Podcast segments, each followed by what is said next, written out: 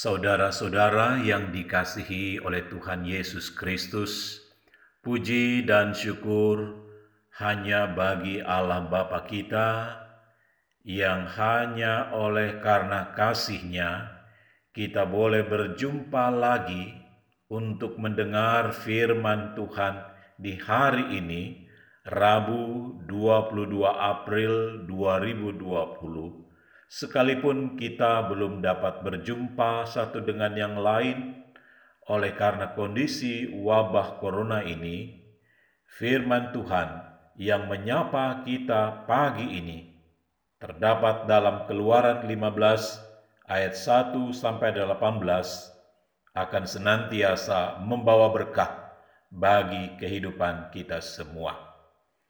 Saudara-saudara yang dikasih Tuhan, firman Tuhan di hari ini yang terambil dalam Keluaran 15 ayat 1 sampai 18 ini berisikan sebuah nyanyian pujian Musa dan Israel kepada Allah. Bapak, ibu, saudara-saudara yang dikasihi Tuhan, pertama-tama Musa mengajak seluruh umat Israel untuk menaikkan pujian bagi Allah Israel atas berkat dan pertolongannya bagi umat Israel. Apa yang menjadi isi pujian Musa dan seluruh umat Israel itu? Isi pujian itu adalah karena Allah telah memperlihatkan kekuatan dan kekuasaannya di hadapan Firaun dan tentaranya, dan terlebih atas umat Israel melalui mujizat yang terjadi di Laut Teberau, di mana kekuatan kereta kuda yang melambangkan kekuatan Mesir telah ditelan oleh Laut Teberau kuda dan penunggangnya di sana dikatakan dilemparkan ke dalam laut. Kereta Firaun dan pasukannya dibuangnya ke dalam laut. Para perwiranya yang pilihan dibenamkannya di dalam laut Teberau. Semua yang ada pada saat itu yang dimiliki oleh Mesir dan tentaranya telah ditelan oleh samudera raya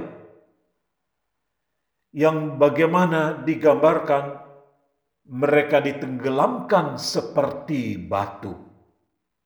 Saudara-saudara yang dikasihi oleh Tuhan, jadi kekuatan yang selama ini ditakuti oleh umat Israel terhadap Firaun dan pasukannya tidak ada artinya sama sekali di hadapan Allah Israel yang telah memperlihatkan kekuatan Allah yang luar biasa. Kekuatan apakah?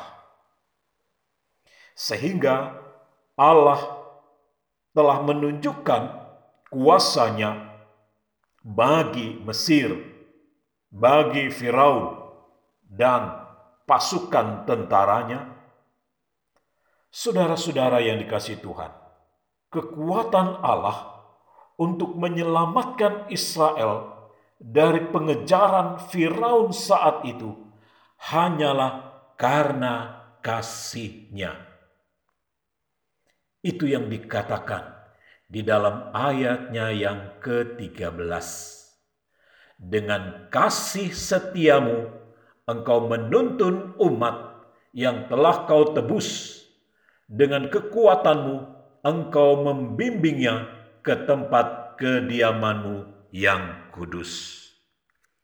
Jadi saudara-saudara yang dikasih oleh Tuhan Yesus Kristus, kekuatan Allah untuk menyelamatkan Israel pada saat itu.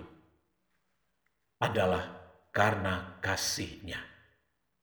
Kalau bukan kasih, tentu Allah tidak akan menyelamatkan umatnya dari pengejaran Firaun dan pasukannya pada saat itu. Jadi, Bapak, Ibu, saudara-saudara yang dikasihi oleh Tuhan Yesus Kristus, firman Tuhan mengajarkan kepada kita hari ini tentang dua hal.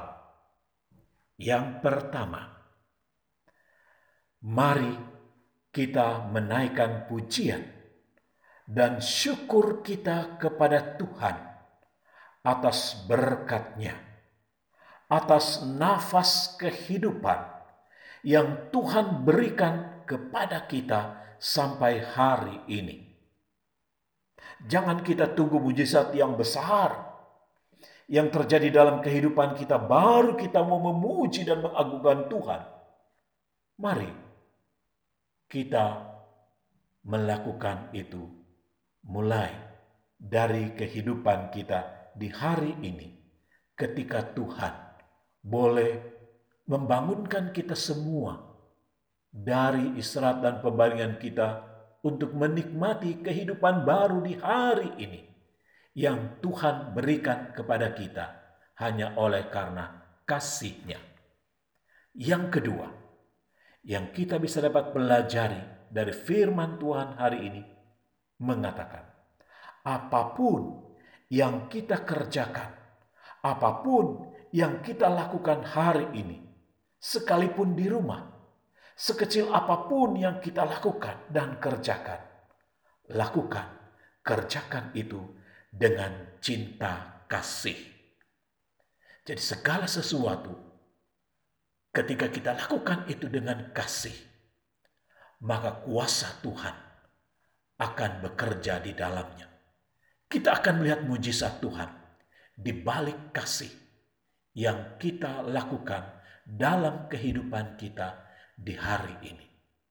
Oleh karena itu, mari kita lakukan jalani kehidupan kita hari ini, sekalipun di tengah-tengah tantangan dan pergumulan yang kita jalani. Lakukan dan jalani itu semua dengan cinta kasih yang daripada Allah. Maka kita akan bisa dapat melihat mujizat yang akan terjadi dalam kehidupan kita. Karena itu berbahagialah kita semua jika hari ini apa pun yang kita kerjakan dan lakukan dengan kasih, maka berkat Tuhan akan senantiasa menyertai dan memberkati kehidupan kita. Amin.